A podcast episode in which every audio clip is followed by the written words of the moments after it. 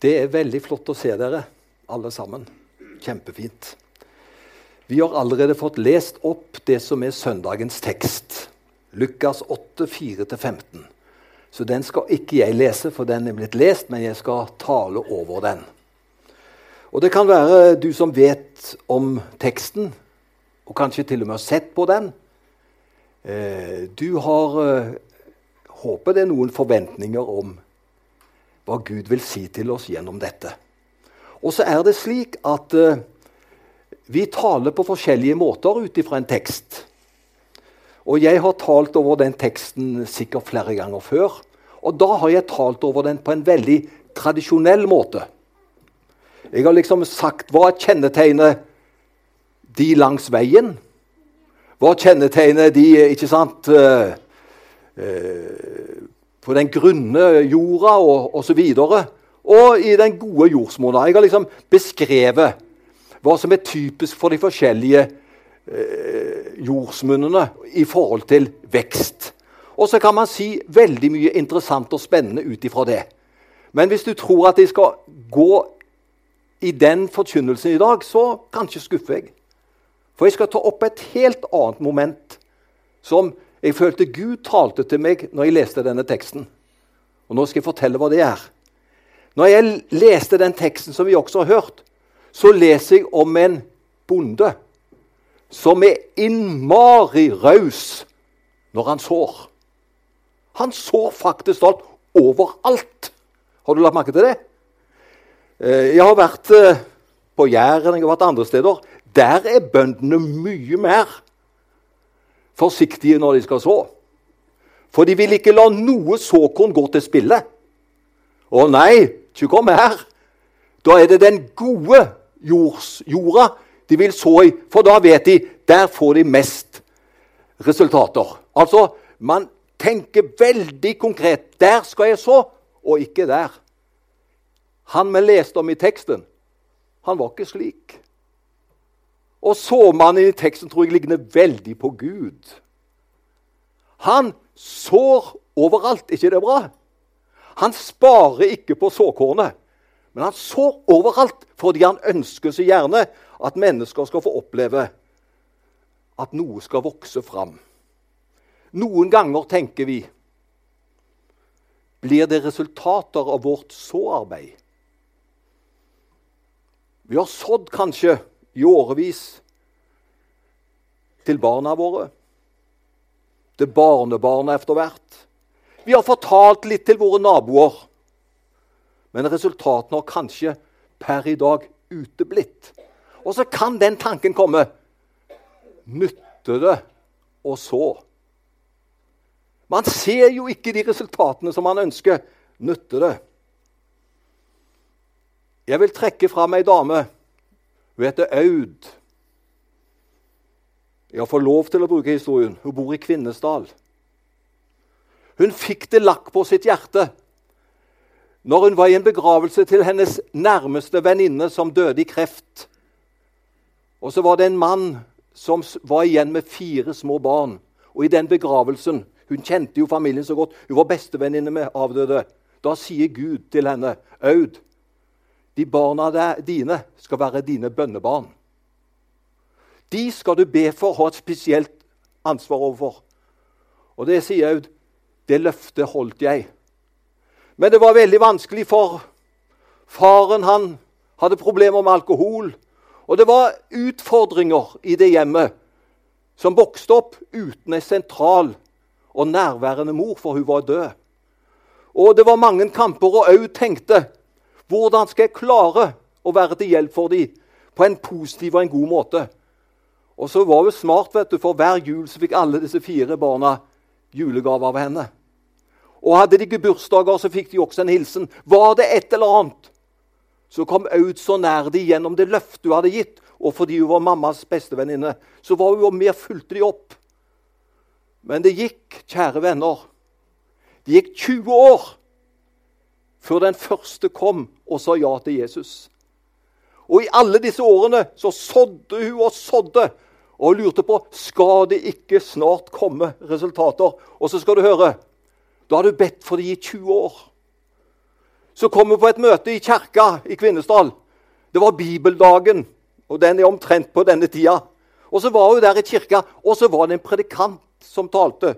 Og så sier predikanten når han taler, Kanskje er det noen som sitter her i dag, som lurer på om Gud hører bønnene dine, og om Gud kommer tidsnok. For du har holdt på så lenge og bedt.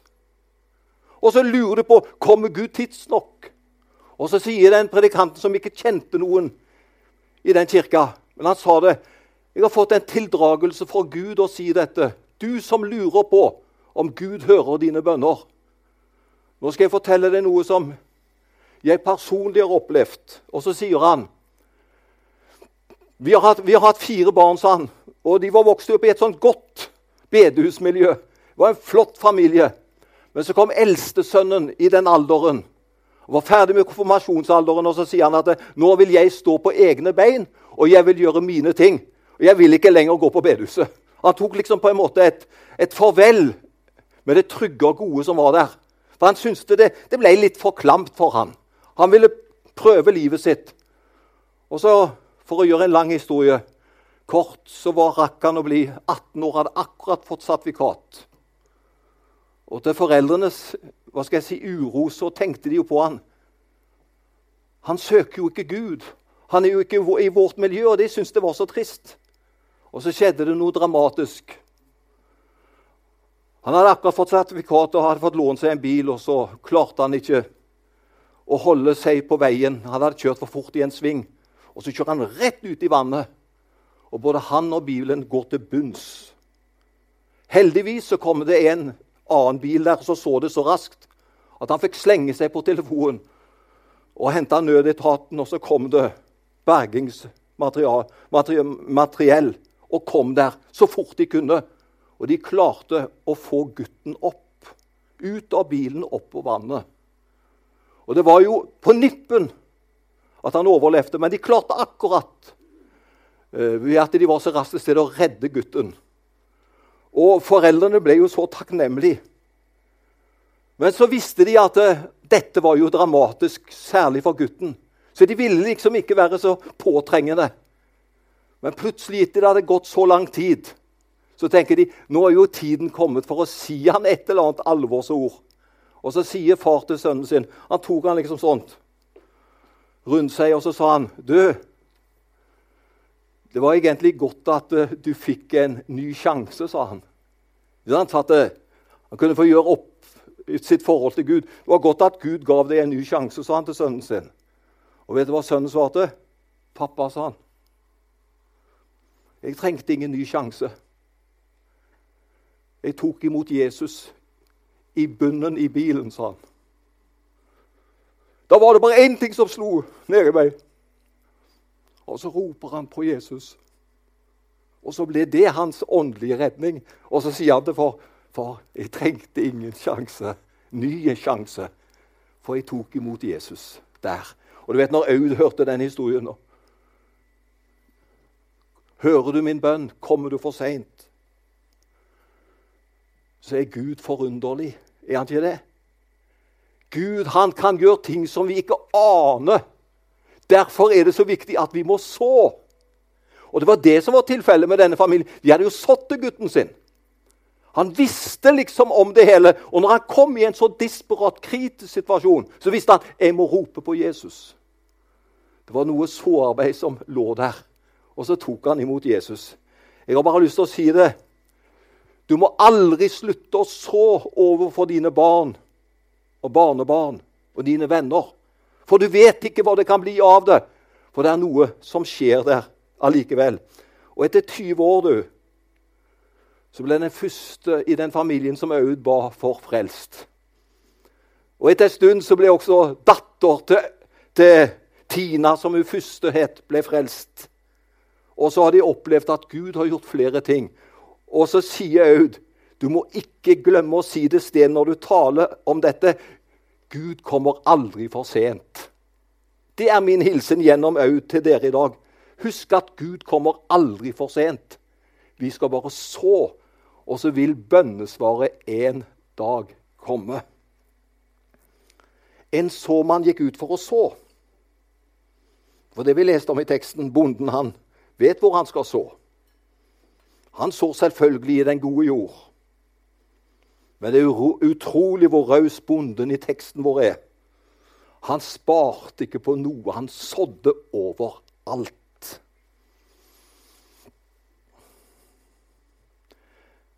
Jeg leste om en begravelse som gjorde inntrykk på meg, fordi den personen har jeg alltid syntes var så, han var så flink og grei. Han var så dyktig. I sin tid var han kringkastingssjef og en av eh, hovedpolitikerne til Ap, Einar Førde. For noen år siden så fikk han kreft. Han, han, fikk jo, han, fikk jo, to jenter i sitt andre ekteskap, ikke sant? så de var ikke så gamle. Og så fikk han denne sykdommen. Og så visste Einar Førde etter hvert at eh, jeg har ikke så lang tid å leve. Og Så forteller Kåre Willoch, som var i begravelsen, for de var jo veldig politiske motstandere, Einar Førde og Kåre Willoch. Men de hadde knytta vennskap. Så Kåre Willoch var selvfølgelig i den begravelsen til Einar Førde, for han døde. Og så sier Kåre Willoch det etterpå. Det er da forunderlig, sa han, at Einar ønsket den sangen som vi sang. Og vet du hvilken sang det var? Han tek ikke glansen av livet. Den frelser som kaller på deg. Og da sier Kårvik jeg forbinder jo ikke Einar med sånne sanger. Men det viste at han kom tilbake til sine røtter. Han vokste opp som gutt på bedehuset. Og når livet kan bli utfordrende, da er det godt det er noen såkorn her inne, ikke sant? Og de såkorna det var noen som hadde sådd en dag. Så vokser såkorna, og så blir det et liv av det. Så blir det en frelse ut av det. Jeg har bare lyst til å si det til deg, du som lurer på. Ja, men bønnesvaret Det venter jo så på seg. Se det flotte bildet der med såmannen. Se alle de såkorna. Jeg vil bare si så overalt. For du vil en dag bli forundra. Men det finnes også en åndslov. Det er bare de som sår, som kan høste. Så vi må så for å kunne høste. Slik er det i det naturlige. Slik er det også i en åndelig lov. Det må sås. Og så er det heldigvis opp til Gud å gi vekst. For det står det at vi skal, vi skal pløye, vi skal vanne. Altså vi skal gjøre det vi kan med jordsmonnet. Og så sier Paulus men Gud gir vekst. Så vi må gjøre det vi kan gjøre. Det er å så, det kan vi. Pløye først, og så kan vi så, og så må vi vanne. Alt det kan vi gjøre. Og så er det noe som ikke vi kan. Men det kan Gud. Og når Gud vil vekst, så tror jeg på vekst jeg, hvis vi bare sår. Og jeg har lyst til å si det til deg Når du går hjem i dag, så tror jeg det skal bli en veldig flott gudstjeneste. for det, det, det, er en så fin avslutning på gudstjenesten i dag. Gjennom bønnestasjoner og nattvær. sånn, så Dette blir en fin gudstjeneste. Og hvis det jeg sier også kan bli bra for deg, så blir det jo veldig bra. For det andre er så bra. Men husk det. Det du fikk høre i dag, det er at vi skal så likevel. Spar ikke på såkornet. Vær frimodig der du er i din hverdag overfor de mennesker. Og så gjør vi det selvfølgelig på en klok måte. Vi gjør det på en sånn måte at ikke folk snur oss ryggen. Men vi viser godhet. Vi viser at vi bryr oss. Skal jeg til slutt da til en oppsummering, for nå går jeg mot en oppsummering, så at du skal få en bredde i talen. For nå har jeg understreket så sterkt at det, det er så-arbeidet som betyr noe for meg her. En raus bonde som sår overalt. Det er motivasjonen og eksempelet til oss i dag. Men la oss også komme inn på noe, da. Og hva teksten kan lære oss. Jeg skal si det veldig fort. For det første det er Jesus som sår ut Guds ord. Han sparer ikke på kornet. Han sår ikke gjerrig ut. Nei, selv på steder med dårlig vekstforhold strøs hans ord ut. Gud har korn nok. For det andre Enhver kristen bærer alle disse fire jordsmonnene i seg. Og daglig må jeg være bevisst på hvilken jordsmonn som skal seire når jeg hører og leser Guds ord. Daglig har jeg en kamp for at kornet skal falle ned i den gode del i mitt hjerte. og ikke deler av hjertet hvor det ikke spirer og vokser. Og det er vi ansvarlig for. Hvordan vi tar imot og lar dette få vokse i vårt liv. Og for det tredje vi trenger å spørre oss og tenke gjennom hvordan vi kan øke avkastningen på ordet vi hører. Jesus snakker om at såkornet kan bære frukt 30 fold, 60 fold og 100 fold. Det står det i parallellteksten til Lukas om denne tekst. Livsloven i Guds rike sier jo at jo mer jeg hører fra Gud og om Gud, jo større er sjansen for at Guds ord kan vokse og gi mer frukt i mitt liv. Avlingen kommer ikke av seg selv, den kommer når jeg tar imot såkornet, steller med planten og til slutt handler på det. Det som ordet sier at jeg skal gjøre. Det var en sånn kort oppsummering på de fire jordsmonnene. Men la oss ta med særlig dette her at jo, vi sår til. Vi sår mer. Vi gir ikke opp. Herre, takk for ditt nærvær. Takk for din velsignelse. Takk at vi får lov til gjennom barnekirka, gjennom ungdomsarbeid, gjennom konfirmantarbeid, gjennom voksent arbeid, så får vi være med og så ut. Og takk at det er du som gir vekst, men hjelp oss at vi er rause med såkornet. Takk at du velsigner oss alle for navnet ditt skyld. Amen.